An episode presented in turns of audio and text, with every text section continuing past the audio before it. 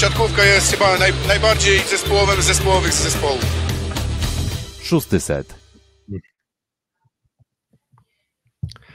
Słuchacie podcastu Szósty Set. Mamy 22 stycznia 2024 roku, świeżutko po zakończonej 17 kolejce Plus Ligi. I gdy zastanawialiśmy się nad tym, co w zasadzie chcemy ująć w tym naszym dzisiejszym live, doszliśmy do wniosku, że w sumie tego materiału aż tak dużo w tej kolejce nie było, nie było jakichś wielkich sensacji, aż tak wielu spektakularnych indywidualnych występów, chociaż takie też się przytrafiły, ale mm, czasem los chce, żebyś ten temat i tak czy inaczej dostał i dosłownie, gdy już ustawiliśmy tego live'a na 19.15 z zamysłem, że będziemy rozmawiać głównie o 17 kolejce, gruchnęła informacja, że Tuomas Samelwuo nie jest już w tym momencie trenerem grupy Azoty Zaksy Kędzierzyn-Koźle, więc myślę, że to będzie główny temat y, naszego dzisiejszego live'a e, i o tym temacie, no ale też oczywiście o tej poprzedniej kolejce opowiedzą Wam ze studia w Warszawie Piotr Słoch. Ze studia w Rzeszowie Filip Korfanty, cześć. I ze studia Warszawy Kuba Lewandowski. Witam serdecznie. Um, ktoś może pomyśleć, że to była taka nasza szybka reakcja i w sumie może to nawet daje nam do myślenia, że jeżeli dzieją się takie rzeczy jak właśnie zwolnienie trenera e, klubowego mistrza Europy, to, e, to to może warto od razu wtedy nagrywać, bo jak widzę już 108 osób jest na live, więc widzę, że ten temat na pewno ludzi bardzo mocno interesuje. Natomiast Filip, e, to nie jest żaden fake news, to nie jest żadna pogłoska, to nie są żadne konta twitterowe, tylko to jest oficjalny komunikat ze strony klubu. Tomasz Samelwuo nie jest już trenerem Zaksy. Tak jest, 22 stycznia Zaksa po raz pierwszy od nie pamiętam kiedy, muszę się przyznać, zwolniła trenera w trakcie trwania sezonu. I do tego stopnia nie pamiętam, że aż musiałem sprawdzić, bo nie byłbym sobą, gdybym tego nie sprawdził. I okazało się, że poprzednim zwolnionym trenerem Zaksy w trakcie sezonu był obecny ekspert Polsatu Sport Wojciech Drzyzga, którego zwolniono w sezonie 2005-2006. Miało to miejsce 26 marca 2006 roku po serii 10 porażek. Minęło lekko licząc 14, 18 prawie lat, żeby Zaksa zwolniła trenera w trakcie sezonu. Wszyscy poprzedni szkoleniowcy przed Tłomasem Samelwuo mieli okazję dokończyć sezon, mimo że nie do końca wyniki może zawsze były satysfakcjonujące. Zaraz mi się nasuwa na myśl Andrea Gardini, który w pierwszym sezonie swojej pracy w Kędzierzynie nie dostarczył do klubowej gabloty żadnego trofeum. To się Zachsie poniekąd opłaciło, bo w kolejnym sezonie skończył już z Mistrzostwem Polski z Pucharem Polski. Tymczasem Samuel Wuo wygrał Super Puchar po ciężkim boju z Jastrzębiem. Ma cały czas szansę wygrać, miał, bo już nie ma, ale jeszcze miał przed chwilą, jeszcze do dnia dzisiejszego, miał szansę wygrać Mistrzostwo Polski i cały czas Zachsa była w Lidze Mistrzów. Odpadła na razie z gry o Puchar Polski. Dla mnie oddając mikrofon, to była szokująca decyzja.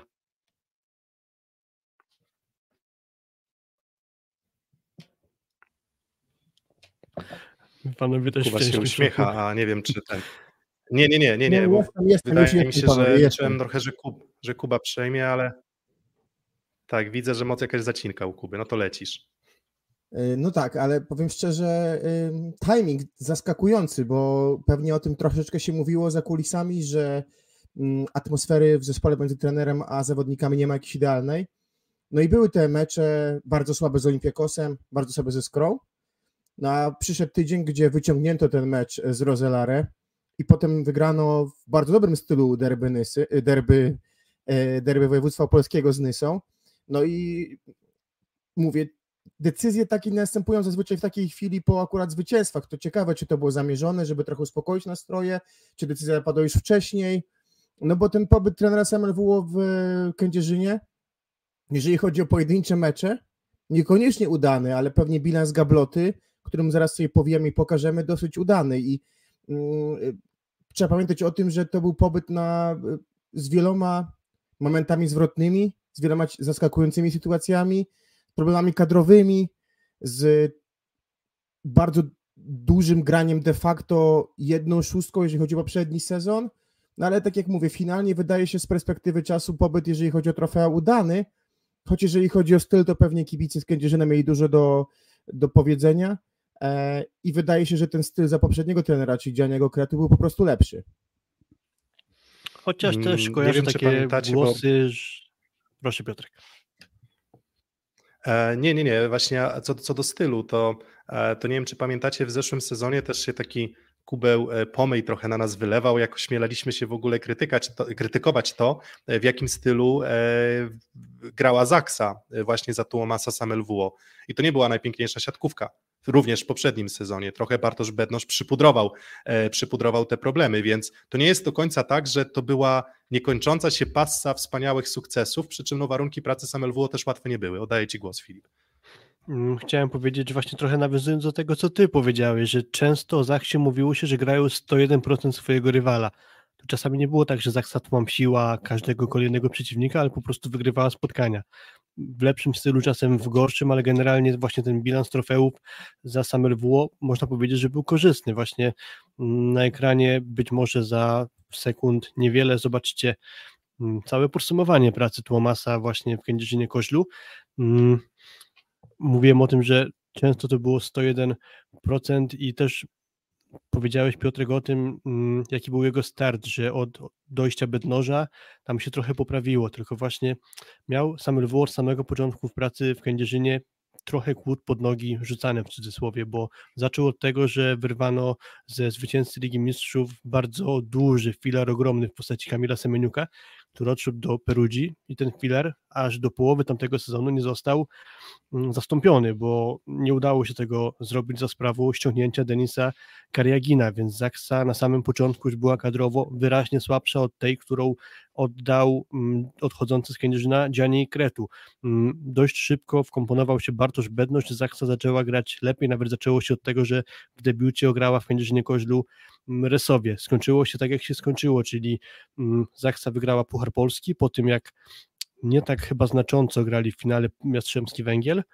Później przyszła mm, gra w finale Plus Ligi, gdzie dostali Kędzierzynanie lanie, trzeba to powiedzieć, bo jeszcze zanim wyjechali na finał Ligi Mistrzów do Turynu, to moim zdaniem niewiele wskazywało na to, że to, co oni pokazali w finale, będzie mogło wystarczyć na Jastrzębski Węgiel. A po dość dramatycznym, po finale, powiedzmy, rodem z Hitchcocka, Zaksa po raz trzeci z rzędu wygrała Ligę Mistrzów, więc y, tutaj ten bilans powiedzmy trofeów wychodzi całkiem nieźle dla Somerwło. Właśnie bilans, bilans trofeów, ale no w tym sezonie mm, macie już ankietę odpaloną, bo jak zawsze lubimy usłyszeć e, też wasz głos. E, czy zwolnienie Samelwuo to dobra decyzja? E, tak, nie i nie wiem. Głosy lecą, głosów już, już 50, a myślę, że będzie jeszcze dużo więcej. No i ja sam nie wiem do końca, jak to, e, jak to czytać, e, bo czas na tę decyzję jest dziwny. E, nie, nie, niekoniecznie sama decyzja, bo wydaje mi się, że można było tę, nad tą decyzją się faktycznie zastanowić z miesiąc temu. To wtedy bym powiedział, że faktycznie ma to bardzo dużo sensu. No ale tak, jeżeli mówimy o kontuzjach, to co? To Samuel Wuo poleciał za to, że Zakse spotykał wyjątkowy pech, E, czy też, e, bo, bo trudno, nie wiem, czy może po prostu błędy w przygotowaniu fizycznym i w planie przygotowanym przez na przykład Pietrzaka, no bo to też jest, jest taka możliwość, że część urazów może wynikała z jakiegoś nietrafionego, e, nietrafionego okresu przygotowawczego. Natomiast znowu, no to pytanie, czy Tomasz Samelwuo był winny tak naprawdę wszystkich problemów, które go spotykały, no bo śmiem twierdzić, że, śmiem twierdzić, że nie. I, i właśnie ten timing jest dla mnie zadziwiający, przy czym zwróćcie uwagę, że no może skoro dużo mówiło się o prezesie Szpaczku, który mm, gdzieś tam wtarabaniał się do, do, do, do drużyny, być może nie chodziło tak naprawdę już o to, jak Zaksa prezentuje się sportowo, a może jakaś kłótnia, jakaś tutaj domniemujemy, może były, była jakaś sytuacja pomiędzy prezesem Szpaczkiem a, a trenerem Samel Wuo, która po prostu spowodowała, że prezes już zaufanie do, do tego fińskiego e, trenera stracił. Mm, ale mówię, to są domniemania, to ja, ja, ja nic, nic takiego nie wiem, ale tak to trochę wygląda. Jakby to nie była do końca kwestia zawodu. Wiesz, może jak w każdej organizacji czasami trzeba otworzyć drzwi, wywietrzyć, czy otworzyć okno. Natomiast mm, tutaj na czacie sugerujecie, że może było tak, że drużyna wiedziała już wcześniej, to dało im jakiś tam impuls do lepszej gry z Lozerale czy z Nysą i, i dopiero dzisiaj zapada decyzja. Akurat tego nie jestem taki pewien, natomiast wiemy o tym, że ten system ZAKSy, w którym funkcjonuje, czyli ca cały sztab de facto pracowników, począwszy od kierownika drużyny poprzez fizjo, yy, trenerów przygotowania fizycznego, asystenta i statystyków, no to jest sztab pracujący latami. Trener główny był co roku dobierany, tak, zmieniał się w ostatnich czasach, latach dość często, no bo jednak mm, dwa lata Gardiniego, dwa lata Grbicia, dwa lata, y, rok Kretu i teraz półtorej roku Samerwuo. Mm, może było tak, że faktycznie tej chemii w zespole nie było. Zdarzało się w przeszłości sytuacje, w których tej chemii też brakowało w drużynie e, w drużynie, w drużynach Samerwuo, bo tak było z, chociażby z drużyną z e, Sankt Petersburga, więc e, możliwe, że tu nie było kwestia stricte sportowa, no bo mówimy warunki pracy ciężkie, natomiast może to była kwestia braku chemii pomiędzy trenerem a drużyną. Moment na mam wrażenie taki impulsowy, no bo przed ZAK są kluczowe z perspektywy obrony Ligi Mistrzów e, mecze z Halbankiem, no i tak naprawdę gonienie e, rywali, jeżeli chodzi o playoffy, no bo sytuacja jest dzisiaj taka, że do tego pewnie przejdziemy. 10 drużyn walczy o playoff realnie, bo dołączyła do tego grona de facto, de facto Skra. Zaksa na dzisiaj jest dziewiąta. E, no i de facto w tej chwili ma właściwie pełny skład, no bo wrócił Smith, wró no może de facto inaczej, nie, podstawowy skład, który wychodzi poza Aleksandrem Śliwką, jest składem, który pewnie by wychodził w meczach, bo, bo gra już Paszycki, gra Smith, gra Bednosz, gra e, Kaczmarek, gra Janusz, gra Szodzi. Więc przed nowym trenerem, czy to będzie Michał Hadała na dłuższy czas, nie sądzę. Wydaje mi się, że w ciągu tygodnia, dwóch pojawi się nowy trener. Zadanie zbudowania ZAKS formy na playoff, który w tym roku, jak mówiliśmy przed sezonem, może im sprzyjać, mimo problemów zdrowotnych, które czuliśmy, może im sprzyjać. Więc wydaje się, że to jest taki moment przełomowy i chyba zaryzykował prezes Szpaczek. Prezes Szpaczek, który w klubie jest od dwóch lat i dla którego de facto jedynym trenerem jest sam LWO, no bo przychodził trener Szpaczek, no to krótko był Dziani Kretu, tak? Tak naprawdę jedynym trenerem, którego miał u siebie prezes Szpaczek, to jest Tomasz Samelwuło właśnie. Mm, różnicą między Samuel a poprzednimi trenerami z Aksy jest taka, że Samuel pracował też równolegle w reprezentacji Kanady, więc dość późno dołączył do Zaksy. I teraz zastanawiam się, to nie będzie najbardziej kluczowy wątek, ale zastanawiam się, na ile to miało wpływ na to, jak Zaksa jest przygotowany do, do sezonu, bo de facto Samuel gdzieś tam, jeśli zarządzał, to zarządzał z dystansu, bo cały czas Kanada grała jeszcze kwalifikacje do Igrzysk w Paryżu, więc w klubie pojawił się dość późno. Pytanie, czy to nie miało jakiegoś wpływu na to, jak Kędzierzyn jest przygotowany do sezonu i na to, jak dużo kontuzji ten zespół mm, spotkał. E, spotkało tak wiele kontuzji ten zespół. Mm, nie jestem co do tego jakoś przekonany, ale tak mnie teraz rośniło, że w sumie jeszcze jest taka dra Kanady jako wątek jego pracy w Kędzierzynie. Mm, kolejna sprawa to jest taka, że faktycznie ja też najbardziej w całej tej sytuacji jestem zdziwiony timingiem, czyli dlaczego akurat teraz podjęto taką decyzję, bo był niezły mecz 6 stycznia z Jastrzębiem, gdzie Zachsa wygrała pierwszego seta, później trzy kolejne przegrała, ale ta gra wyglądała dobrze, więc później przyszła porażka w bardzo złym stylu w Pireucie z Olympiakosem i porażka ze Skrow, gdzie pierwszego seta bodajże Zachsa przegrała chyba do 12. Tam w pewnym momencie było z 19 do 8 czy 20 do 8, jakoś tak, kolosalna różnica w pierwszym secie na korzyść Skry i po tamtych meczach nie byłbym totalnie zdziwiony, że podjęto decyzję o zwolnieniu Samuel WO. Teraz Zaksa wydawałoby się, nasza poprzednia taka główna myśl na ten odcinek była taka, że Zaksa w sumie chyba zagrała ostatnio najlepszy mecz sezonu. Mówię o tym meczu z PSG Stalą Nysa, a tu nagle dowiadujemy się trochę jak grom z jasnego nieba, że Samuel WO został zwolniony i właśnie nie sztuką dla mnie jest zwolnić trenera, ale sztuką jest mądrze go zastąpić. I może to była po prostu trochę, w cudzysłowie, gra na czas, że szukamy potencjalnego następcy. Gdy już go ewentualnie mamy i on już jest blisko dotarcia do klubu, wtedy decydujemy się na zmianę. Dziękujemy trenerowi Samuel W. Wchodzi następca. Pamiętam, jak zwalniano Pawła Wójckiego z Radomia niedawno to chwilę po jego zwolnieniu pojawił się komunikat, znaczy przepraszam, nie komunikat, tylko jakiś wywiad z Pawłem, z którego generalnie w skrócie wynika, że mm, on był w szoku, że taka decyzja zapadła. Chociaż patrząc z zewnątrz, wydawałoby się, że spokojnie tej zmiany można by dokonać znacznie wcześniej. Być może klub po prostu czekał na nadarzającą się stosowną okazję, żeby znaleźć zastępcę Pawła Wojskiego. Być może tu jest podobnie.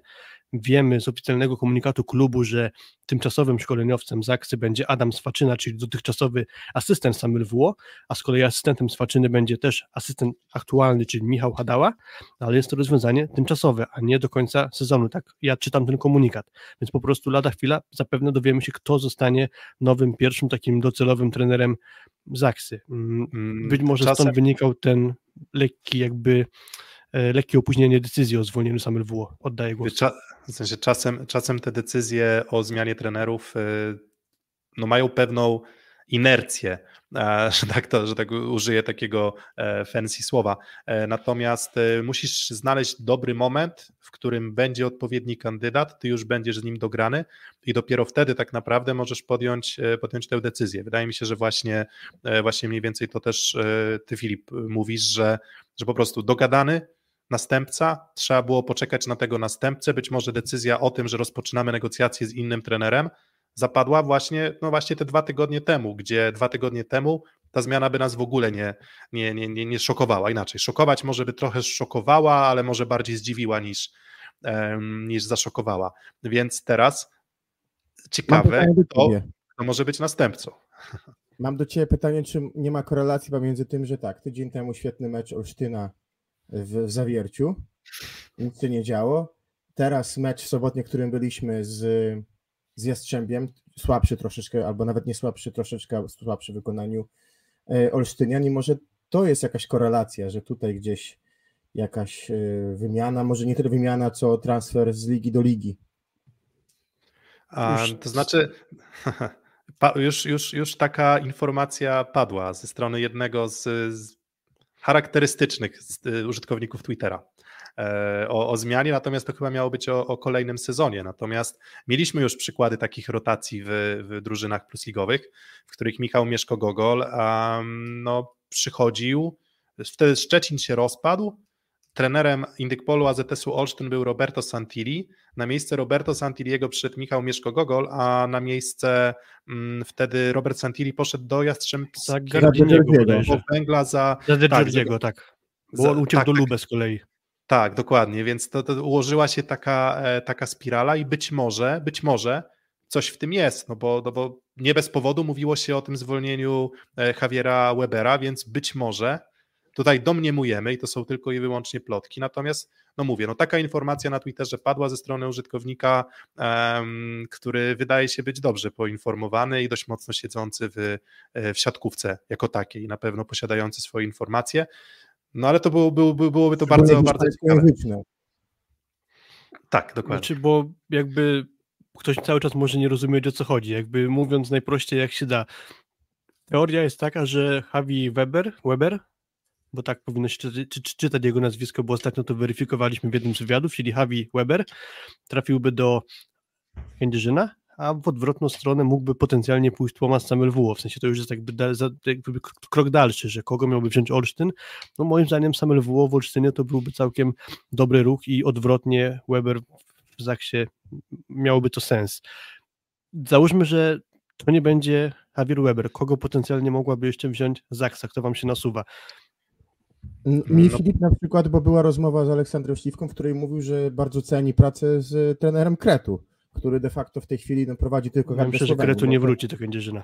Ale, ale pamiętamy rozmowę z trenerem Kretu bodajże na memoriale, nie na memoriale Wagnera, na Lidze, na Lidze Narodów. Narodów Ten był daleko koło nas toczony, prawda, pamiętacie, wtedy spora krytyka ze strony trenera Kretu do tego, jak w Polsce jest traktowany, więc to, to pewnie musiał być z jego strony jakieś ustępstwa, może schowanie dumy do kieszeni, jeżeli chodzi o taki powrót.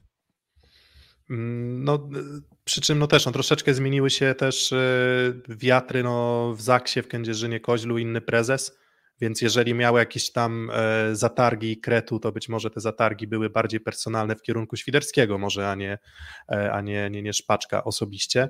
E, no, na, się też na czacie mm, kandydatura Mariusza Sordyla, który, który wydaje się, że też jest wolny, widziany kilkukrotnie na, na, na meczach Indykpolu AZS-u Olsztyn.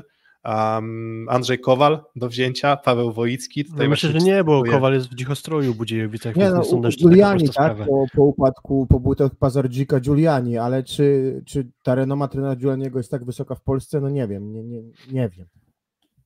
No właśnie, a wiecie, no może, może faktycznie jak tutaj Borsuk napisał, że trener Aleksander Śliwka, rola grającego, grającego trenera i, i zawodnika równocześnie.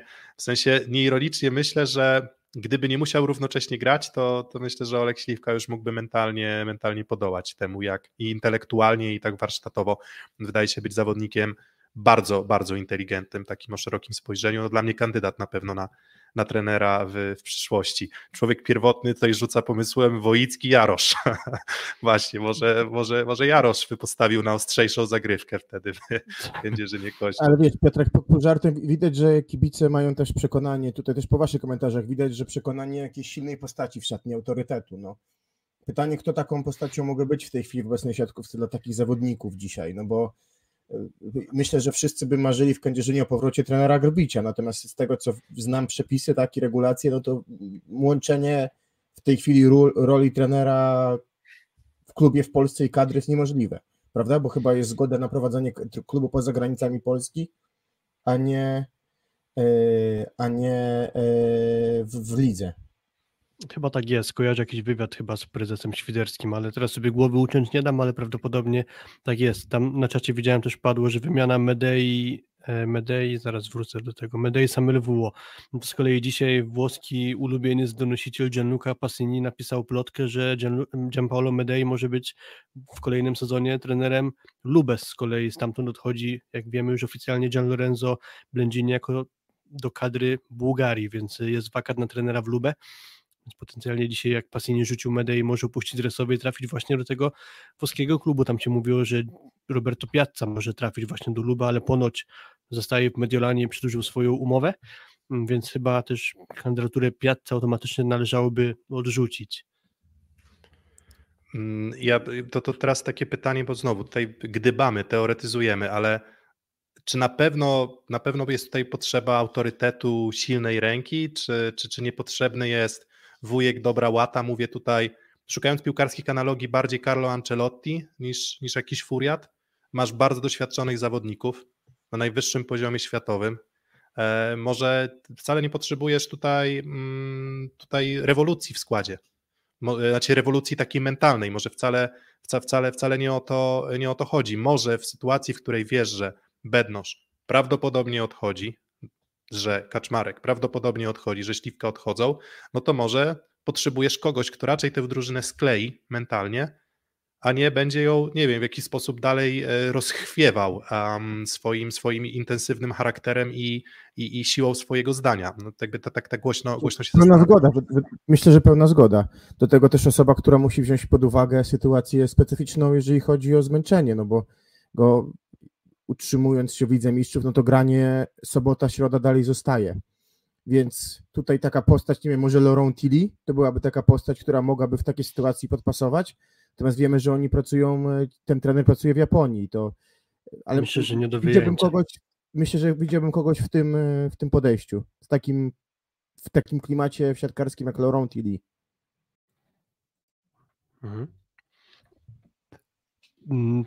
Powiem wam szczerze, nie, nie jestem w stanie takich postaci o takiej właśnie charakterystyce teraz sobie na myśl nasunąć, więc może gdzieś za chwilę mnie olśnie, to jeszcze się z tym e, Ale nie zgadzasz się z Filim, czy po prostu wiesz, że jest y, po prostu niedostępny realnie jakby rynkowo? Znaczy, po tym jak on był w stanie poukładać Francuzów na Tokio, to myślę, że kandydatura jak najbardziej zasadna, natomiast ciężko mi uwierzyć, żeby on był do wyciągnięcia z Japonii. Właśnie z Ale jego padło ciekawe zdanie, klubu. zobaczcie na czacie fana łysiującego z Saski. Ogiera z Saski Kempy odnośnie no, przypadkiem wizyta trenera Gianniego, no bo faktycznie jest w Polsce, miał obserwować dzisiaj trening Francuzów, czyli Patriego i, i Toniutiego w Jastrzębiu, może, może Andrea Ale Gianni, w sensie Andrea Gianni, ja myślałem, że Gianni tak. Kretu. Nie, Andrea Gianni. To dobrze, to dobrze, to dobrze. W Jastrzębiu na wizytacji Francuzów, czy to przypadek? Nie, no, Lane też myślę, że z Japonii nie do wyciągnięcia. Mm, no nie, nie, nie brakuje, no właśnie i to jest, to jest zagadka, ale też i no właśnie, a czy wyobrażamy sobie, że, że, że Zakse mógłby poprowadzić jakiś młody, zdolny trener? W ogóle widzicie jakiekolwiek nazwisko, nie wiem, z Polski, czy, czy, czy nie tylko z Polski, które jest na dorobku, które, które dopiero mogą Enart, tak się... Cedric Enart z Berlina właśnie, no bo to postać, Cedric która... Enart ostatnio, dosłownie nie tak dawno temu został chyba dyrektorem sportowym Poitiers z Francji, z byłego klubu Łukasza Kozuba, więc myślę, że on jest też już nieaktualny. Chciał po prostu ze względu na tematy prywatne wrócić do pracy we Francji, więc stąd chyba raczej też kandydatura raczej nie do ściągnięcia przez Zaksę dosłownie iskierka zapaliła mi się Steven Van Medegel, czyli trener Knaka Rozelare. To jest młody facet, który wydaje się w bardzo przyjemny sposób układa swoją drużynę, bo przecież tam nazwisk nie ma, a bardzo przyjemnie się na grę Knaka patrzy. Tak, ty nam, ty nam hopie puszczasz mecz 0-2, a, a w zamian za to dostajesz posadę. Nie no, to już wiecie, jakieś tam teorie, teorie spiskowe już to wiecie do kwadratu, ale, ale tak trochę humorystycznie do tego live'a podchodzimy, no bo ma jest tutaj dużo, dużo, dużo gdybania, w sensie no skłamalibyśmy, gdybyśmy mówili, że mamy jakieś konkretne insidery, kto to, e, kto to może być, bo też nas ta informacja e, zdziwiła, zaskoczyła. Mm, okej, okay, to póki co ja nie mam propozycji sensownych, więc może idźmy dalej. Jeszcze też inny podpunkt, powiedzmy, zwolnienia SMLW, no padł po prostu ofiarą kontuzji i ta y, niedyspozycja niektórych graczy będzie trwała, więc nowy trener nie ma tak naprawdę łatwego wejścia w zespół i też pytanie, czy będzie można od niego od razu oczekiwać, że diametralnie gra zespołu ulegnie poprawie i będzie trzeba stawiać Zaksę dalej w gronie głównych faworytów do, do medalu bez ligi, do, do zwycięstwa w Lidze Mistrzów.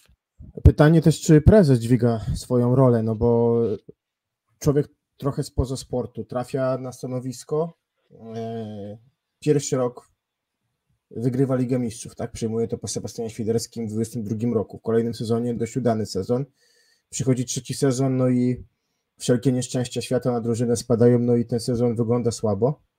No i te doniesienia o wchodzeniu jego do szatni, czy, czy, czy nie powinien zachować się wręcz przeciwnie, raczej w formie empatycznej zrozumienia takiej sytuacji, gdzie dać zawodnikom wsparcie, no bo oczywiście jest presja pewnie sponsorów, środowiska, które przyzwyczajone jest do sukcesów, no ale czy ta, taka osoba nie powinna być takim niejako, nie wiem, pancerzem ochronnym w takiej sytuacji, a, a nie mm. kimś, kto idzie na, na konflikt, na zwarcie?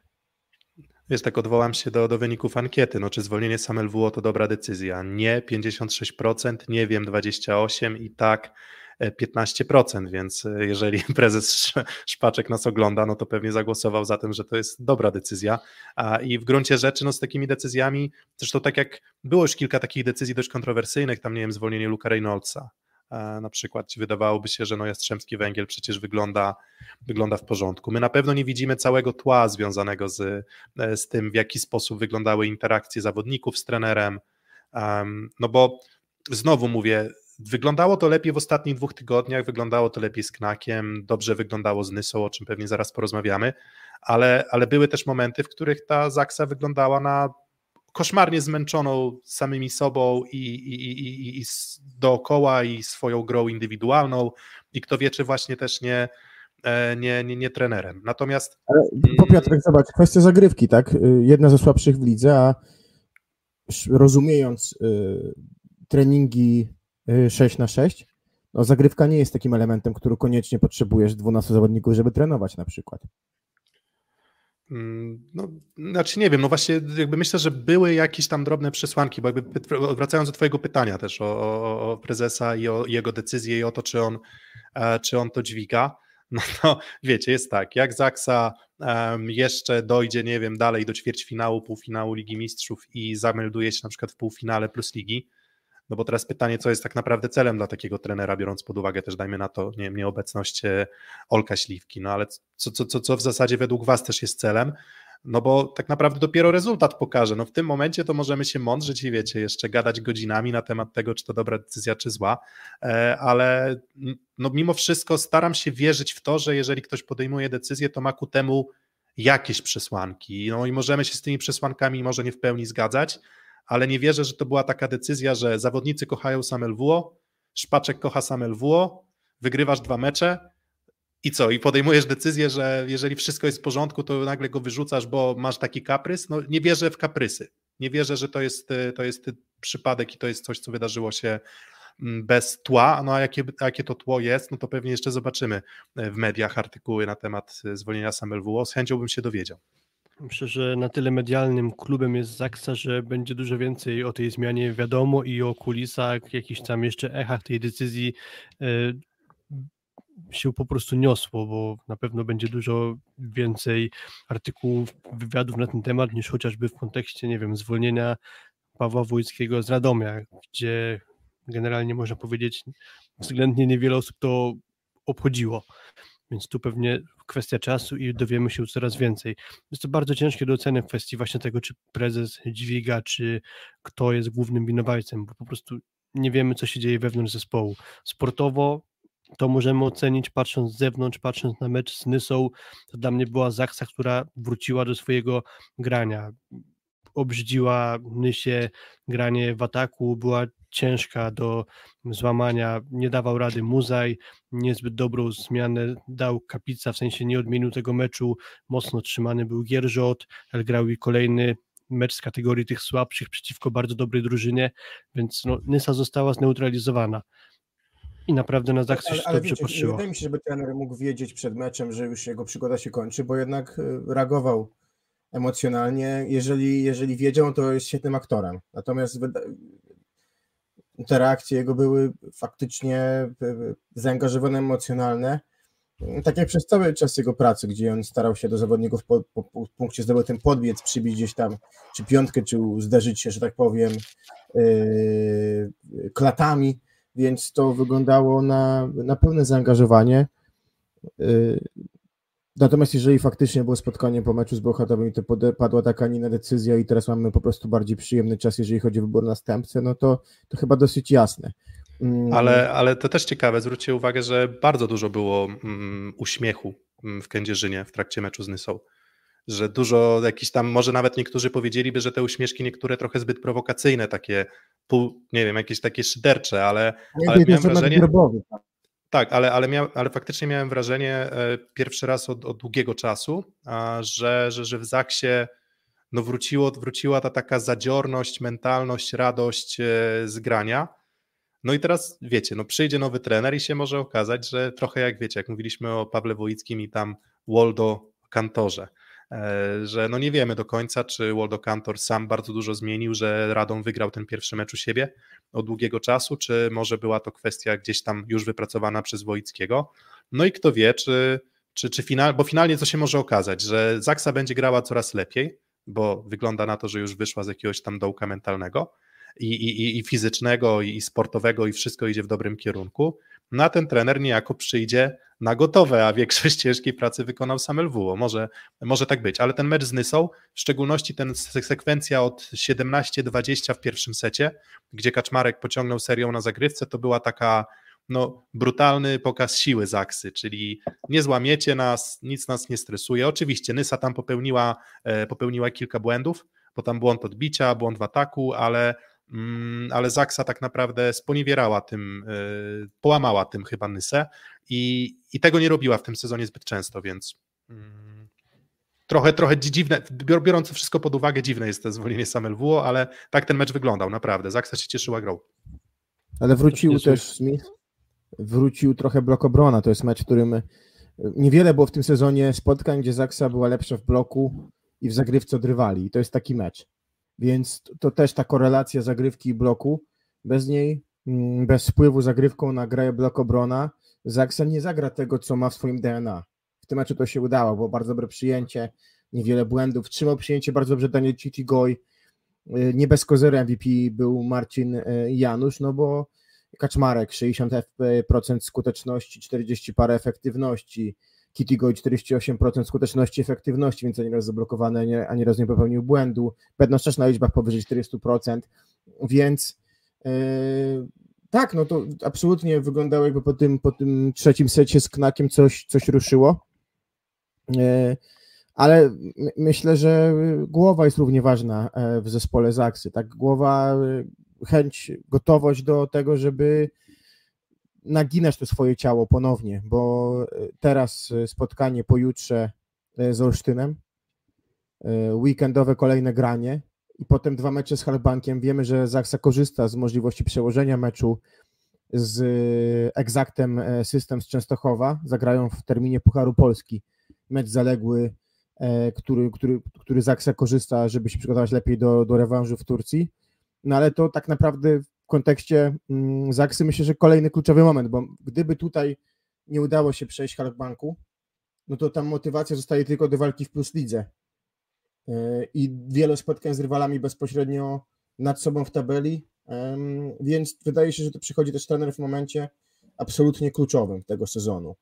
No bo dalej ten No tak. sezon może być dla Zaksy kluczo- do- dobry, tak? Jeżeli chodzi o nie wiem, dojście do finału Ligi Mistrzów, e, medal plus ligi, to dalej może być sezon dobry. Konkretyzując kwestię kalendarza, jak powiedziałeś, Kuba, 25 stycznia, czyli w czwartek mecz z Olsztynem w Kędzierzynie, później pierwszy mecz z dwumeczu z Halkbankiem 31 stycznia, Mm, to spotkanie o 19.30 naszego czasu, później u siebie Rysowia 4 lutego i 6, w sumie nie wiem, 6-7 lutego mniej więcej rewanż w Ankarze. I to są cztery mecze z kategorii krótko mówiąc, ciężkich, więc start dla, ani dla Adama Swaczyny nie jest to na pewno łatwa sytuacja, ani dla potencjalnie nowego trenera też nie jest to łatwa sytuacja. Pytanie, kiedy ten nowy trener do Kędzierzyna dotrze, bo z kolei okres już po meczu rewanżowym z Halbankiem wydaje się być całkiem wygodnym na nowe otwarcie powiedzmy, bo od 10 lutego Zaksa gra kolejno 5 spotkań z Katowicami, Radomiem, Lwowem, Częstochową i Lubinem. Więc to są takie mecze, w których będzie można realnie musi zacząć 15, budować tę drużynę na 15. nowo. W sensie 15 punktów, tak, w tych pięciu meczach. No i myślę, że cały czas A- realna jest kwestia awansu Zaksy do playoffów, bo to może być kluczowa kwestia tego sezonu. A uważacie, że te mecze z Halkbankiem to, to to będzie jakaś duża, gigantyczna presja na, na, na potencjalnie nowym trenerze? W sensie, jak, jak to widzicie? E, Czy, czy, czy, czy, to, czy to, że on teraz wchodzi i przejmuje sytuację w takim kluczowym momencie sezonu, tę presję tworzy, czy może paradoksalnie wręcz odpuszcza, no bo jak coś, to możesz wszystko zwalić na, na zaszłości treningowe, które, w których nie uczestniczyłeś jako pierwszy trener? Dobre pytanie. Nie, Ja powiem Znaczy tak, na pewno, na pewno te, y, to też zależy od jakości gry, bo Zaksa z meczów z Bełchatowem czy z Olimpiakosem, no szans z Halbankiem nie ma, umówmy się. Natomiast wiem, z meczu z Jastrzębiem czy z meczu z Nysą, no to jest w stanie rywalizować z tym zespołem jak równy z równym, szczególnie, że charakterystyka Halbanku e, wydaje mi się, że leży, leży, leży Zaksie, no bo Nimir to jest zawodnik, którego gracze z Kędzierzyna czy w- klubie, czy reprezentacji umieli, umieli wyłączyć. Mm, Ngapet to też nie jest gracz nie do złamania e, w grze systemowej Zaksy, co chociażby udawało się robić Zaksie w meczach z Zenitem Kazań, więc mm, wydaje mi się, że ocena też powinna zależeć od sposobu i jakości gry, no bo te spotkania z Olimpiakosem Pireusz czy Skrom, no to poza porażkami, no to były występy, których nie widziano kilka lat w Kędzierzynie. no też inna kwestia jest taka, że niebezpieczna może być dokończyć, zagrywka.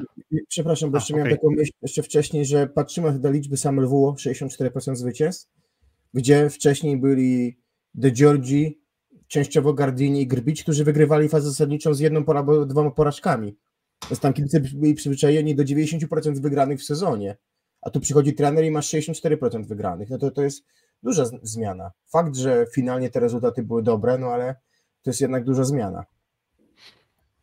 Z Halbank na pewno ma siłę rażenia w zagrywce, więc obawiam się ewentualnie o celowanie Sztygoja, więc to może być słaby punkt Zaksy wyraźny, który nie będzie w żadnym stopniu do zrzucenia na potencjalnie nowego trenera, no chyba, że jakoś taktykę przyjęcia będzie w stanie całkowicie na nowo e, wywrócić do góry nogami, ale chyba nie, chyba raczej do tego nie dojdzie, ale tak czy tak, zależnie czy to byłby sam RWO, czy byłby to ktokolwiek inny, to cały czas myślę, że miękkim podbrzuszem Zaksy jest właśnie e, Chitigoj na przyjęciu, a czy to Nimir, czy Majka Ma, czy Ngapet, Perin też mają mocną zagrywkę, więc myślę, że nie będzie niczym mm, takim totalnie niespodziewanym, że po prostu Halkbankowi siądzie dzień w zagrywce i Zaksa zostanie w przyjęciu rozstrzelana, tak jak to miało miejsce momentami na przykład z Knakiem w tych dwóch pierwszych setach, gdzie mocno cierpiał Chitigoj. Mm, s- Akurat Nysa wydaje mi się, że ma jakieś tam argumenty na zagrywce i, i czysto wizualnie to już po Zaksie wyglądało lepiej. Widzimy te statystyki też, że, że statystyka pozytywnego przyjęcia 51, no to to jest wynik no jak na takie standardy plusligowe wydaje mi się no ponadprzeciętny, raczej dobry niż, e, niż słaby i wizualnie też to wyglądało tak, jakby w końcu trochę lepiej się ta, ten tercet Shoji, Bednosz, e, GT Goi dograli. A jak oceniacie samą Nysę? Bo, bo, bo, bo, pamiętacie, bo teraz trochę za, zataczamy takie koło, e, wracając do tych pierwszych meczów rundy mm, jesiennej, tej, tej rundy otwarcia. No i wtedy mieliśmy bardzo intensywny, bardzo ciekawy mecz, który zakończył się wtedy zwycięstwem 3 do 2 Zaksy. No to mija runda, Zaksa z problemami też dalej. a Anysa mecz oddaje dość, dość łatwo. No i mm, no, wydaje mi się, że trochę rozczarowujący Gierżot i trochę rozczarowujący też El Grawi kolejny raz na tle mm, rywali ze ścisłej, ze ścisłej czołówki. Tak, y, też fakt, że Nysa bez Włodarczyka nie miał za bardzo opcji zmiany na, na przyjęciu. Też Kosiby, Kosiby chyba nie było w kadrze meczowej, zdaje się, więc w ogóle jakby nie Dokładnie było opcji tak. zmiennika. Chodził tylko Kamil Dępiec na, na przyjęcie do drugiej linii, więc bez tego przyjęcia wiadomo było, że łapan... Y, dla mnie w podsumowaniu była chyba ostatnia akcja meczu, bo e, to była zagrywka Zaksy 24-22 i Gierżot trzy razy dostał piłkę i trzy razy był łapany pasywnym blokiem. Zaksa grała bardzo dobrze pasywnym blokiem, ograniczała bardzo mocno Michała Gierżota. Finalnie poszła kontra, skończył Chitigo i grający naprawdę dobry mecz.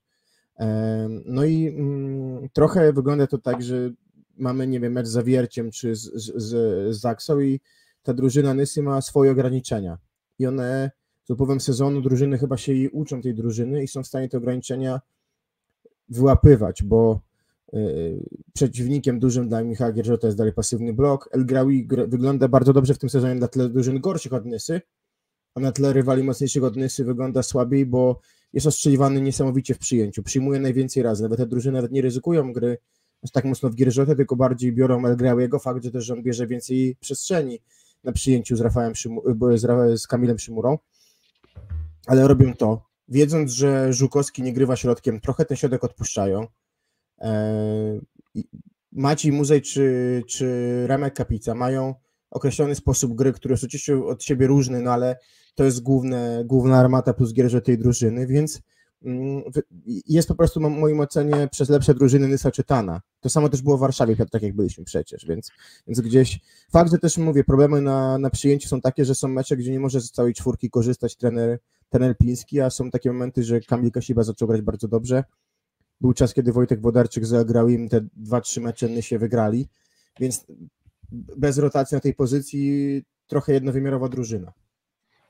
Też myślę, że dużą w pewnym sensie dziurę ma na środku siatki nadal Nysa, bo na, na, długo wypadł Zerba, on powoli wraca do grania, no ale jeżeli trzeba go zastąpić, no to właśnie na tle tych najlepszych rywali wyraźnie uważam, że ustępują właśnie zawodnicy trenera Plińskiego, też nawet ciekawa jest charakterystyka wyników osiąganych przez Nysę, bo jeśli spojrzeć na rywali powyżej nich w tabeli, to tak naprawdę jest tylko jedna wygrana, 3 do 0 z Treflem Gdańska. Wszystkie mecze pozostałe, czy to z Lublinem, Rysowy, Zawierciem, Warszawą, Jastrzębiem, e, wszystkie te mecze były przegrane. Jeszcze na początku było sporo tej breków, ale później już bywało gorzej, więc y, po prostu to jest chyba taki typowy zespół środka tabeli, który można chwalić na przykład El Grauiego za mecze na tle tych potencjalnie słabszych drużyn plus ligi, ale przeciwko tym najmocniejszym on jeszcze dobrego spotkania nie zagrał.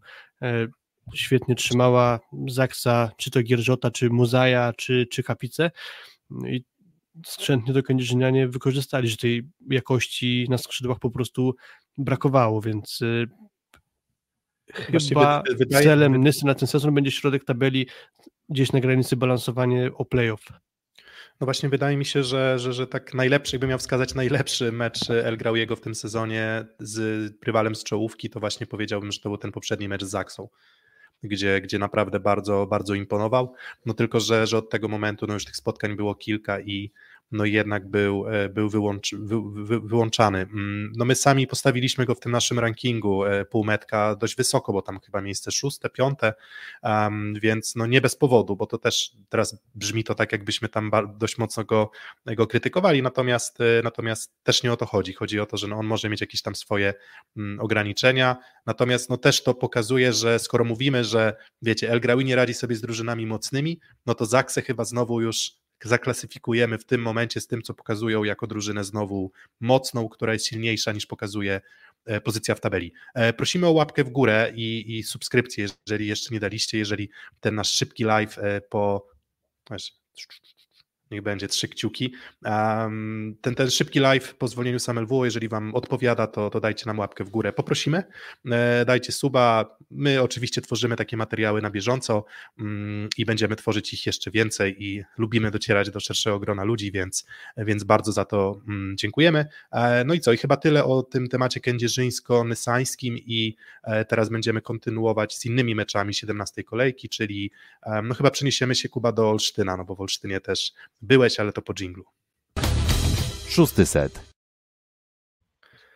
Mm, wsiedliśmy w auto i pojechaliśmy do Olsztyna. O godzinie 11 e, ruszyliśmy Kuba, warunki śnieżne, ale dojechaliśmy na czas i, no i zobaczyłeś i halę, i zobaczyłeś i mecz. No i, no i mecz chyba, po którym obiecywaliśmy sobie jednak więcej.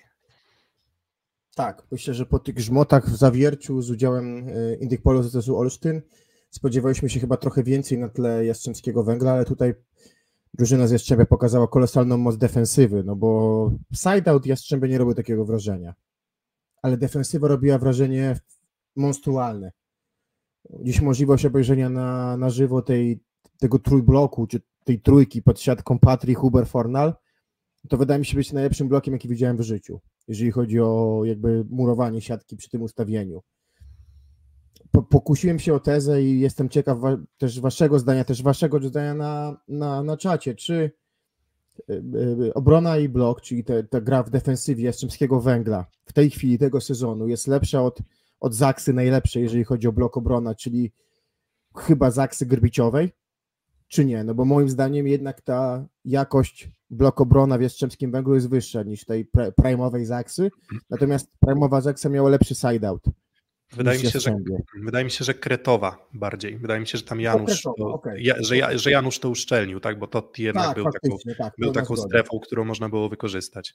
A tu mimo to Newtiego to wygląda to naprawdę momentami monstrualnie i, i, i mówię, miewali problemy w ataku Jastrzębianie, ten sideout może nie był taki y, fantastyczny, czasem były przedłużone akcje, a kończyły się i tak punktem dla najczęściej w kluczowych momentach dla Jastrzębia. Dla mnie symboliczna no, no. bardzo akcja, no widzimy, mm. widzimy to w liczbach też. 44% e, skuteczności AZS-u, 45% Jastrzębia, więc o, AZS jeszcze porozmawiamy, ale, ale myślę, że te liczby mówią samo za siebie, że ani Jastrzębie, ani AZS to nie był ich, e, ich fantastyczny mecz, jeżeli chodzi o, o własną akcję. Tak, zdecydowanie, natomiast mówię, e, momenty takie, że długa, przedłużona akcja, dobrze grała AZS na pipe do pewnego momentu, więc idzie pipe, broni Popiwczak, Toniuti wystawia zasłupka do Patriego, on ma zostawione 30 cm po prostej, atakuje sytuacyjnie po prostej. Na przykład takich akcji było dość sporo. Natomiast oczywiście też ogromne, mówię, uznanie dla, dla, dla Jastrzębia za blok. Fantastyczny Tomasz Fornal wybił siatkówkę z głowy Alanowi, mm, więc e, przeciwko Piaczęzie, jeżeli tak zagra Jastrzębski Węgiel, jeżeli chodzi o blok obrona, to wydaje mi się, że jest faworytem. E, chociaż Norbert Huber mówił o drużynie z, z Piaczęzy w rozmowie z nami z ogromnym uznaniem, mm, ale takiego pokazu siły defensywnej po prostu na żywo dawno nie widziałem i ukłony dla, dla całego Jastrzębia. Właśnie ja się cieszę panowie, że byliście w delegacji w Olsztynie, bo ja mogę się przyznać, że akurat tego spotkania nie oglądałem, bo korzystałem z zimowej aury na Podkarpaciu i trochę pojeździłem w tym czasie na nartach, więc jako, że meczu nie widziałem, to mam z kolei pytanie do was inne, bo chyba się zgodzimy, że kadrowo Jastrzębie wyglądało na papierze trochę słabsze niż to, co było w poprzednim sezonie, gdzie zdobyli Mistrzostwo Polskie, awansowali do finału siatkarskiej Ligi Mistrzów. Czy wobec tego, jak oni się prezentują teraz w systemie blok obrona, czy wobec tego, że mają duży, zas, duży zastrzyk energii, mocy na środku w postaci Hubera, to czy już teraz zgodzicie się, że należy Jastrzębie stawiać do roli głównego faworyta do Złota Mistrzostw Polski lub ewentualnie też do wygranej Ligi Mistrzów, czy nadal myślicie, że ktoś jeszcze z tej ligi dojedzie i jednak tak stuprocentowo to nie Jastrzębie może być faworytem do Złota? Znaczy ja odpowiem, odpowiem w taki sposób. Gdyby to były trzy mecze, które trzeba wygrać, to, to powiedziałbym, że Jastrzębski Węgiel w trzech rywalizacji w, na trzy mecze wygrane byłby faworytem czy nawet do dwóch wygranych spotkań. Myślę, że mógłby być faworytem, gdyby nie było tam tematu żadnych złotych setów.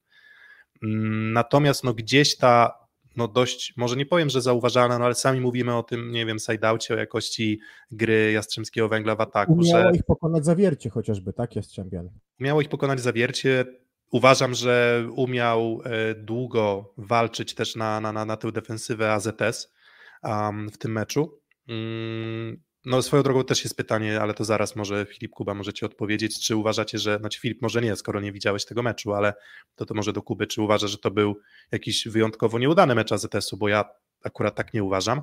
Mm, I, Piotrek, i, i, wracając, I wracając jeszcze, kończąc temat Jastrzębia, że mm, myślę, że są do pokonania z uwagi właśnie na to, że e, ok, defensywa defensywą, wszystko wszystkim, ale jeżeli ktoś ich złamie zagrywką, chociaż Olsztyn próbował bardzo uporczywie i... Jeden as tylko.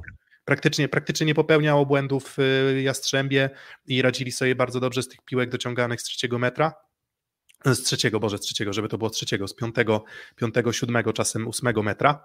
E, I, i, i no ten element zagrywki wydaje mi się, że no nie wiem, na przykład Zawiercie jest w stanie moim zdaniem Jastrzębski Węgiel, zresztą wygrali z Jastrzębiem, to są w stanie ich złamać i to musi być taki mecz wtedy, tak, że, Jastrzębie zagra swoje w obszarze tam bloku defensywy, ale za to ich side-out będzie już na tyle słaby z uwagi na złe przyjęcie, że, że, że sobie po prostu nie, nie poradzą na piłce wysokiej. To to są takie scenariusze i wydaje mi się, że to jest realne w takim meczu, z, który rozstrzyga złoty set, e, na przykład w ćwierćfinale. Znaczy w ćwierćfinale może nie, no ale w półfinale. Y, ja powiem tak. Chyba z, musiałbym sprawdzić na stronie Plus Ligi, ale wydaje mi się, że z zawierciem było 34 skuteczności, 20 efektywności Jastrzębia, no i taki mecz już ciężko wygrać, tak? Mm, Zgadzam się i pozwolicie, że przypnę komentarz, bo ja tak uważam, że jeżeli któraś z tych dwóch drużyn Ligi Mistrzów nie wygra, to będę w szoku, powiem szczerze, te, które tutaj wskazałem. Natomiast jeśli chodzi o ligę, no to jest w stanie ich zagrywką zamać zawiercie, myślę, że projekt również, bo też ograł Jastrzębie w tym meczu bardzo równo na Torwarze, więc czy głównym faworytem do tytułu jest Jastrzębie? Chyba tak, chociaż ta przewaga wydaje mi się nad rywalami niewielka. Jeden as tylko Olsztyna, Olsztynian, Piotrek versus 14 w Zawierciu. No i to też pewnie kwestia, czy lepiej przyjmuje Jastrzębie od Zawiercia, myślę, że tak. Ale też ten dzień na zagrywce Olsztyn może mieć monstrualny, a może mieć zwykły. To był myślę, że zwykły mecz na zagrywce. Zwykło Bo, słaby. albo nawet słaby, no bo ten Karlicek mecz, żeby nie miał asa, to ja nie pamiętam. Wiesz, kto zrobił asa dla Olsztynian w tym meczu? Hmm, Tuaniga. Tak jest, do, tak do linii taką zagrywką, Tak, tak, taką, taką chyba najlepszą, jaką potrafi mieć w tej chwili, więc, więc to jest sytuacja, wydaje mi się, zaskakująca, jeżeli chodzi o zagrywkę. Nie, nie grał źle Olsztyn, nie grał źle Olsztyn, ale nie, z mojej perspektywy nie do końca rozumiem prowadzenie meczu przez Javiera Webera. Znowu Rozpieści- wracamy do, do tego. Nie wiem, czy do tego wracamy, ale Nikola Grbić rozpieścił nas prowadzeniem meczu w sposób wys- do, do, w tym roku wybitny. Mówimy o takim topie topów. Oczywiście inni, inni wykonawcy i tak dalej, natomiast nie mam poczucia, że Javier Weber doskonale czuje mecz. Mam poczucie, że warsztatowo, jeżeli chodzi o takie rzeczy, to jest świetnym trenerem, natomiast odczucie meczu mam wątpliwości. I dwa, wybory z Tuanigi na rozegraniu. Od początku było widać, że Forna zamurował lewe skrzydło, że tam nie ma przejścia. Po drugiej stronie jest Toniutti. I były momenty, że wszedł Armoła, zażarło mu, kiedy skakał naprzeciwko niego Szymura. Armoła widział, co robił Forna z Alanem i dostaje piłę, ła- ładuje w antenkę, potem jest zablokowany. I po dwóch aktach nie ma zawodnika. Yy, Nie korzystał mocno, oczywiście byli też czasami podbijani, Szerszeń czy, czy Karliczek, ale jak oni atakowali, to raczej nie byli blokowani bezpośrednio. To było raczej gra na przedłużenie. No i nie rozumiem zmiany za Karlicka, tak? Dostaje gość bombę od Fornala, w sensie blok pojedynczy na pipie. To jest chyba jeden z boleśniejszych bloków. No, I no, ale, zdjęty. no ale to wiecie, moment magii, wybitny moment. No, Polsat Sport to wrzucił tam, nie wiem, parę tysięcy łapek w górę, no bo wszyscy doceniają jakość e, pojedynczego zagrania, zagrania Tomka Fornala. No zdarza się po prostu. Bardzo wąsko stanął blok Jastrzębskiego Węgla, Fornal znalazł się na środku siatki, przełożył łapy, ile, ile wlezie i, i zatrzymał Karlicka. Schodzi Karlicek po takiej akcji, ponoć jak się dowiedzieliśmy, zastrzeżenia ze strony trenera Webera były takie, że nie trzymał mm, zaleceń taktycznych. Wchodzi Szymendera, w sumie tej drużynie nic specjalnie nie daje i tak się zastanawiasz, no, czy, czy, czy ta drużyna w ogóle jest w stanie złamać Jastrzębski Węgiel w końcówce bez udziału Karlicka. Bez jego wyczyszczenia jednej, dwóch kontr, bez, bez dołożenia czegoś, e, czegoś zagrywką. No bo ja rozumiem, że możesz wpuść, wpuść, podwójna zmiana. Podwójna da, zmiana daje impuls w Olsztynie, to się zgadzam. ale niekoniecznie zmiany przyjmujących. Wpuść Szymenderę na jedno ustawienie, wpuść go do tyłu, e, daj chwilę odetchnąć, wytłumacz zawodnikowi i, i, i, graj, i graj dalej. A, a tutaj wyszło tak, jakby to faktycznie tak ktoś napisał, że Martyna Krupa, że Weber jakby jakieś fochy strzelał. E, no to mówię, ja tego nie widziałem z perspektywy trybun, nie obserwowałem tego tak, tak mocno, nie widziałem transmisji telewizyjnej, więc po prostu nie, nie podejmuję się oceny, no ale mm, nie wiem, nie wiem, czy coś, e, czy, czy coś, w tym, mm, coś w tym jest. E, no mówię, ja nie wyobrażam sobie grania w końcówce z taką drużyną jak jest Strzemski Węgiel, z Szymenderą, a nie z Karlickiem. Wyobrażam sobie z Armoą zamiast Alana, tak jak mówisz Kuba, podwójna zmiana tutaj działa, ale, ale nie wyobrażam sobie z, z Szymenderą. Mm, z całym szacunkiem oczywiście dla, e, dla, dla Kamila, ale nie ta, nie ta siła ataku po prostu. Na temat tego meczu się nie znam, ale wypowiem się o czymś innym, bo przed chwilą był temat meczu Trentino Jastrzębie jako potencjalny finał Ligi Mistrzów. Nie odbiegając tak daleko w przyszłość, rywalem Jastrzębia będzie Piacenza. No i z kolei jeśli ktoś nie śledzi włoskiej ligi, no to w ten weekend miał mecz miejsce Itasu Trentino właśnie z Piacenzą. Piacenza była gospodarzem, no i w pierwszym secie Trentino prowadziło 19 do 8. To może mówić sporo o tym, jak duża różnica jest pomiędzy tymi zespołami. Koniec końców Trentino wygrało 3 do 1. No i padło też pytanie na czacie, czy Piacenza może Jastrzębie rozstrzelać. Ja sobie sprawdziłem, że Piacenza grając u siebie z Trentino w cudzysłowie tylko trzy asy, to, to nie robi żadnego wrażenia. Wszystkie trzy na Laurenzano, więc chyba no wiadomo, to jest tylko jeden mecz, ale to nie musi oznaczać, że Piacenza jest jakimś niesamowitym zespołem, który byłby w stanie łamać rywali w przyjęciu, zwłaszcza, że Jastrzębie jest nie wiem, czy jest drużyna trudniejsza do złamania w przyjęciu. No bo kto tak naprawdę? No i też... Tam każdy dobrze przyjmuje. Ja mam... E, Szymura szczerze, najbardziej rozchwiany potencjalnie, ale to nie jest zła jakość.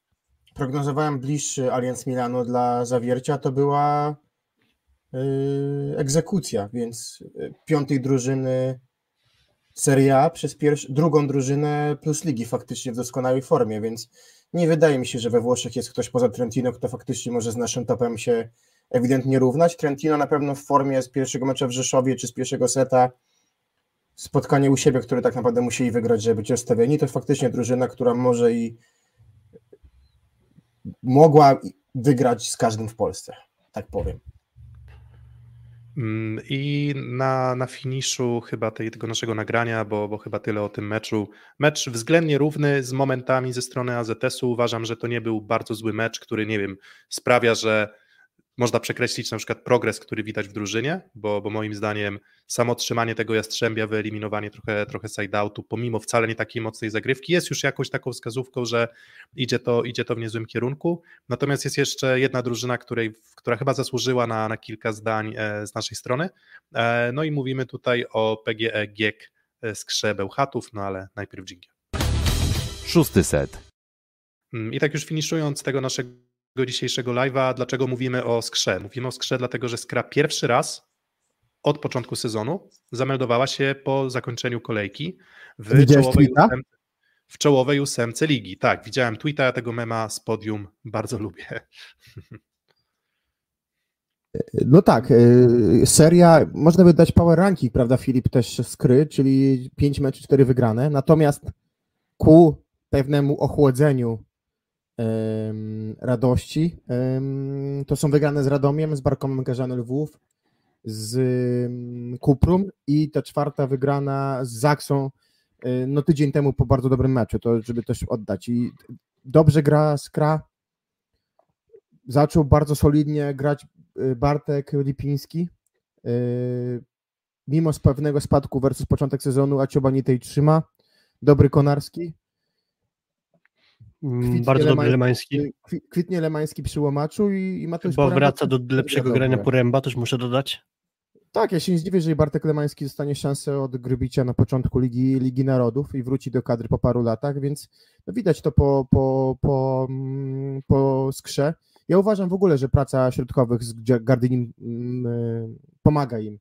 Nie uważam, żeby trener Gardini był kapitalny we wszystkim, ale z pracą ze środkowymi uważam, że, że to procentuje, więc Mm, Skra bardzo dobrze przyjmuje po prostu w tej chwili, a to pozwala na grę taką, jaką Grzegorz Łomacz lubi i myślę, że tutaj należy to ogromna mm, pochwała. No i fakt sam dołączenia do tej dziesiątki, która powalczy o playoffy. Czy w tych playoffach się Skra znajdzie? Myślę, że to będzie ciężko, ale sam fakt dołączenia do tego po tym niemrałym początku sezonu myślę, że zasługuje na bardzo duże uznanie. Po, po, na początku sezonu też takie były przecież spotkania zbliżone, tak, bo był mecz z Kuprą i z Zaksą. Wtedy dwa punkty skry, teraz sześć. Cały czas w tej dziesiątce drużyn, które grają playoffy, właśnie PG Skra zdecydowanie, zdecydowanie się znajduje. Myślę, że tu od mniej więcej na dziesiątej lokacie Olsztyna cały czas jeszcze trwa walka o awans do ósemki i właśnie PGG Skra tam się znajduje. Co do, powiedziałeś, że wraca do lepszej formy chyba Lipiński, czy do lepszego grania Lipiński. Bardzo mi się podobała jego gra z Zaksą, gdzie widziałem w nim zamysł, że on nie chce po prostu wyjść w górę i mocno zaatakować gdziekolwiek, tylko starał się szukać tej takiej jakby ramki bloku, czyli szukanie gdzieś takiego uderzenia, żeby piłka od tego bloku gdzieś uciekła w out, żeby uniemożliwić Zaksie kontynuowanie tej akcji po wybloku, więc y, faktycznie dostrzegam tutaj przebłyski tego, że on może wrócić do swojej lepszej dyspozycji, a tę dyspozycję zagubił już dawno temu, bo jeszcze w Gdańsku.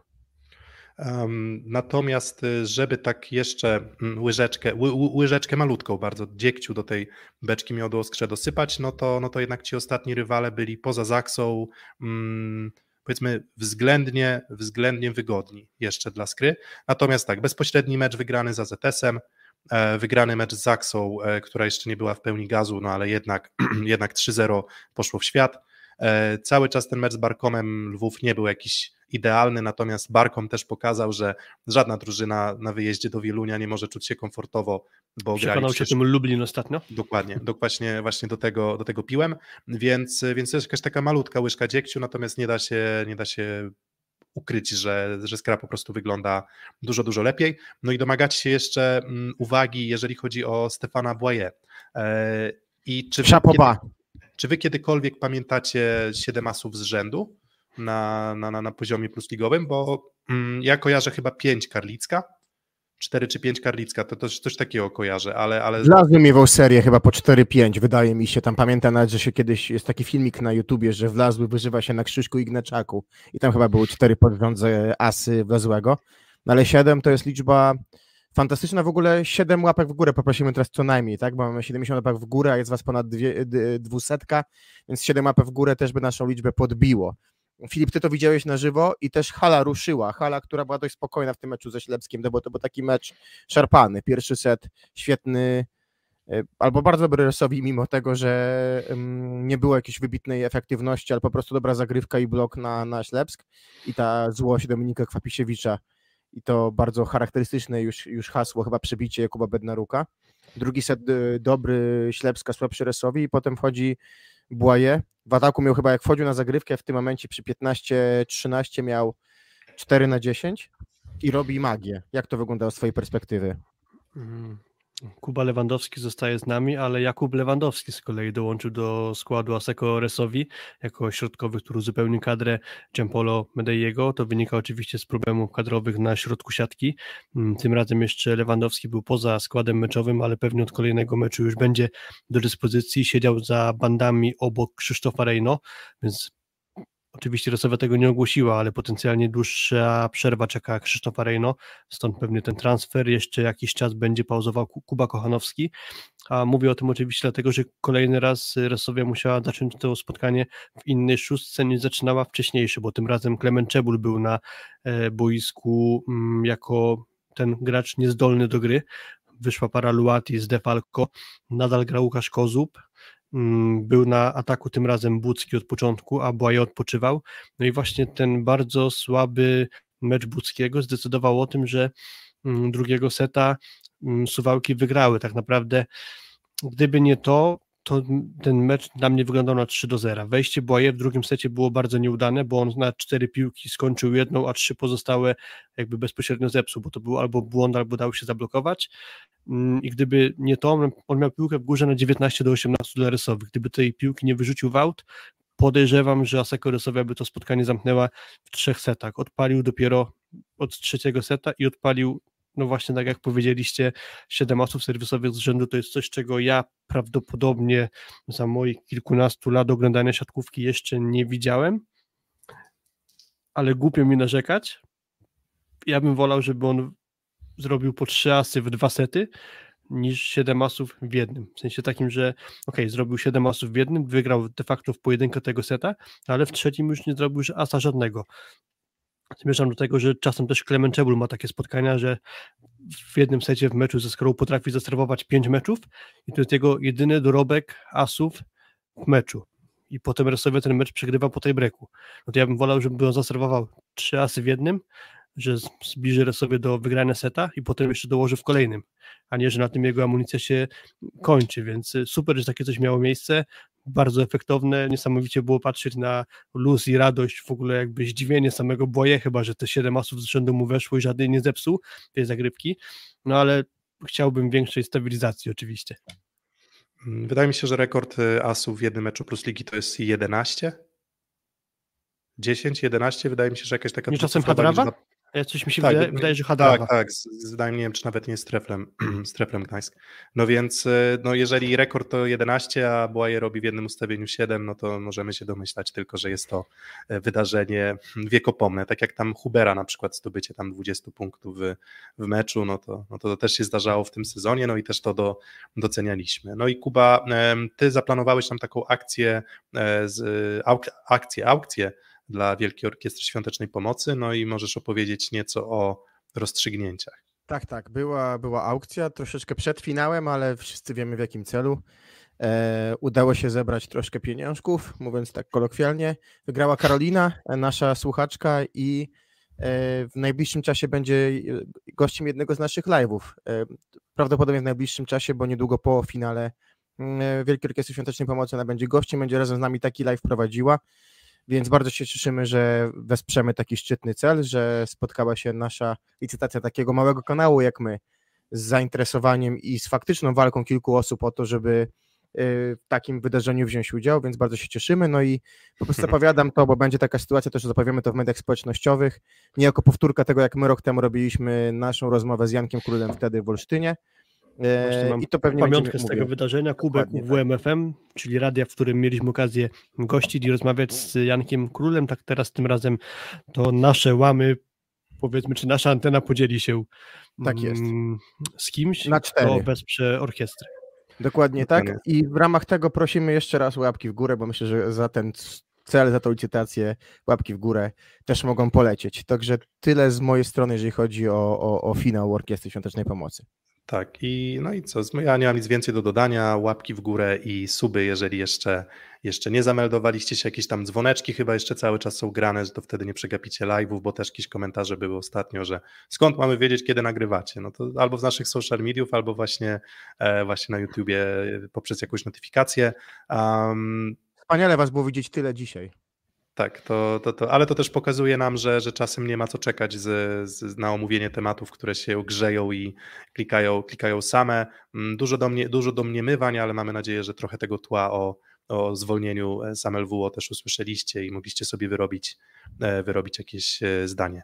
E, dzięki za dzisiaj i zaraz zobaczycie jeszcze planszę patronów, patronite.pl ukośnik 600. Jeżeli chcecie nas wspierać finansowo, to możecie też się na takiej liście znaleźć, a za dzisiaj dziękujemy. Ślicznie dziękuję. Wyciszony jesteś Filip, nie było cię słychać, ale jeszcze możesz... Dzięki wielkie, cześć, trzymajcie się. Dzięki.